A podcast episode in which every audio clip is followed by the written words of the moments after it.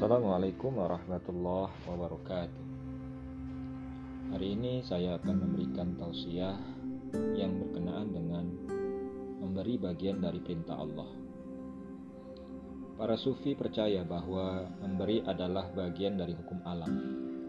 Demikian penulis Azim Jamal mengatakan dalam bukunya Korporat Sufi. Semua makhluk memberi dengan caranya masing-masing. Sapi memberikan susunya supaya dia bisa memproduksi lebih banyak lagi. Domba memberikan bulunya supaya lebih banyak wool yang diproduksi. Hal yang sama berlaku untuk manusia yang butuh memberi supaya mencapai arti dan tujuan dalam hidupnya. Sebatang lilin tidak akan kehilangan cahayanya setiap kali dia dinyalakan. Inilah sebenarnya esensi hidup, bahwa hidup ini adalah memberi setiap orang pasti dalam hidupnya pernah memberi, tergantung kualitas pemberian tersebut. Apakah ikhlas atau tidak? Apakah pemberian itu punya maksud tertentu atau tidak? Islam mengajarkan kepada kita untuk selalu memberi, mulai dari zakat, sedekah, infak, merupakan perwujudan dari sebuah pemberian Orang yang sering memberi secara ikhlas tidak akan merasa kehilangan, bahkan ada rasa kepuasan jika ia menolong orang lain. Saat ini banyak orang yang takut untuk memberi. Kalaupun ada yang memberi, tren yang muncul adalah ria, di mana orang yang memberi sering mengekspos dirinya agar dianggap dermawan Bahkan tidak jarang mereka mengungkit-ungkit pemberian mereka selama ini kepada orang lain. Dalam hal ini Allah Subhanahu wa taala berfirman, "Ya ayyuhalladzina amanu la tubtilu shadaqatikum bil manni wal adza kalladzi yunfiqu malahu ria'an nas wa la yu'minu billahi wal yaumil akhir famasaluhu kamasali sofwanan alaihi turabun. Fa asabahu wabilun fatarakahu sol da la yaqdiruna ala syai' mimma kasabu. Wallahu la yahdil kaumal kafirin. Hai orang-orang yang beriman janganlah kamu menghilangkan pahala sedekahmu dengan menyebut-nyebutnya dan menyakiti perasaan si penerima seperti orang yang menafkahkan hartanya karena ria kepada manusia, dan dia tidak beriman kepada Allah dan hari kemudian.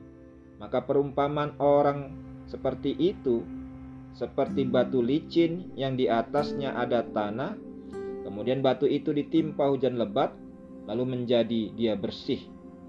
Mereka tidak menguasai sesuatu pun dari apa yang mereka usahakan dan Allah tidak memberi petunjuk kepada orang-orang yang kafir. Al-Baqarah 264. Hidup ini adalah anugerah yang harus dinikmati. Tapi alangkah egonya kita jika harus menikmati hidup ini sendiri. Bayangkan jika di dunia ini hanya kita hidup sementara yang lain tidak. Pasti kita akan kebingungan. Adapun harta ada adapun harta yang ada pada kita jelas tidak ada artinya. Pertemanan dan persaudaraan adalah sesuatu yang maha kaya dari semua harta yang kita miliki. Banyak sufi yang dulunya kaya, melimpah hartanya, tapi akhirnya ia membagi-bagikan kepada orang lain. Sehingga harta yang ada padanya adalah harta yang melekat di tubuhnya. Mungkin orang yang berpikiran hedonisme, yaitu berpandangan kesenangan dunia saja, adalah sesuatu yang sangat berharga yang harus dan harus dicapai. Menganggap orang seperti ini adalah orang gila karena ia punya harta tapi hartanya diserahkan untuk orang lain sehingga ia tidak memiliki harta itu lagi. Sekali-kali tidak. Orang yang memberi hartanya untuk orang lain bukanlah orang gila. Mereka adalah orang yang sadar bahwa harta yang ia miliki itu nantinya akan dipertanggungjawabkan. Mereka sadar bahwa hartanya itu tidak akan dibawanya ketika ia berada dalam kubur, mereka adalah orang-orang yang sadar bahwa hidup ini bukan hanya untuk mencari kesenangan dunia semata. Mereka adalah orang-orang yang sudah mencapai tingkatan ma'rifat, karena ia sudah kenal dirinya dan juga sudah mengenal siapa yang menciptakan dirinya. Man arafa nafsah fakot arafa robbah. Siapa yang mengenal dirinya, maka ia akan mengenal Tuhannya.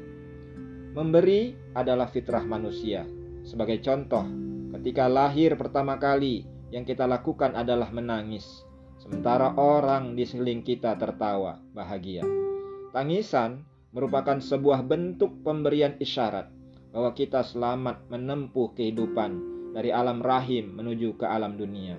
Lalu setelah kita dewasa, kenapa susah kita untuk memberi kepada orang lain? Banyak kisah-kisah nyata yang menjelaskan bahwa orang yang selalu memberi, hidupnya bukan tambah susah, tetapi tambah bahagia. Pemberian tidak hanya dalam bentuk materi saja, tapi pemberian bisa dalam berupa apa saja apakah itu pemberian dalam dukungan moral, doa, dan sebagainya. Karena itulah, banyak-banyaklah kita melakukan pemberian. Insya Allah, Allah akan membalas apa yang kita berikan dengan ikhlas kepada makhluknya tersebut. Apakah Anda percaya? Kalau percaya, lakukan. Kalau tidak, ingatlah, satu saat penyesalan tidak akan berguna lagi. Wallahu alam bisawab.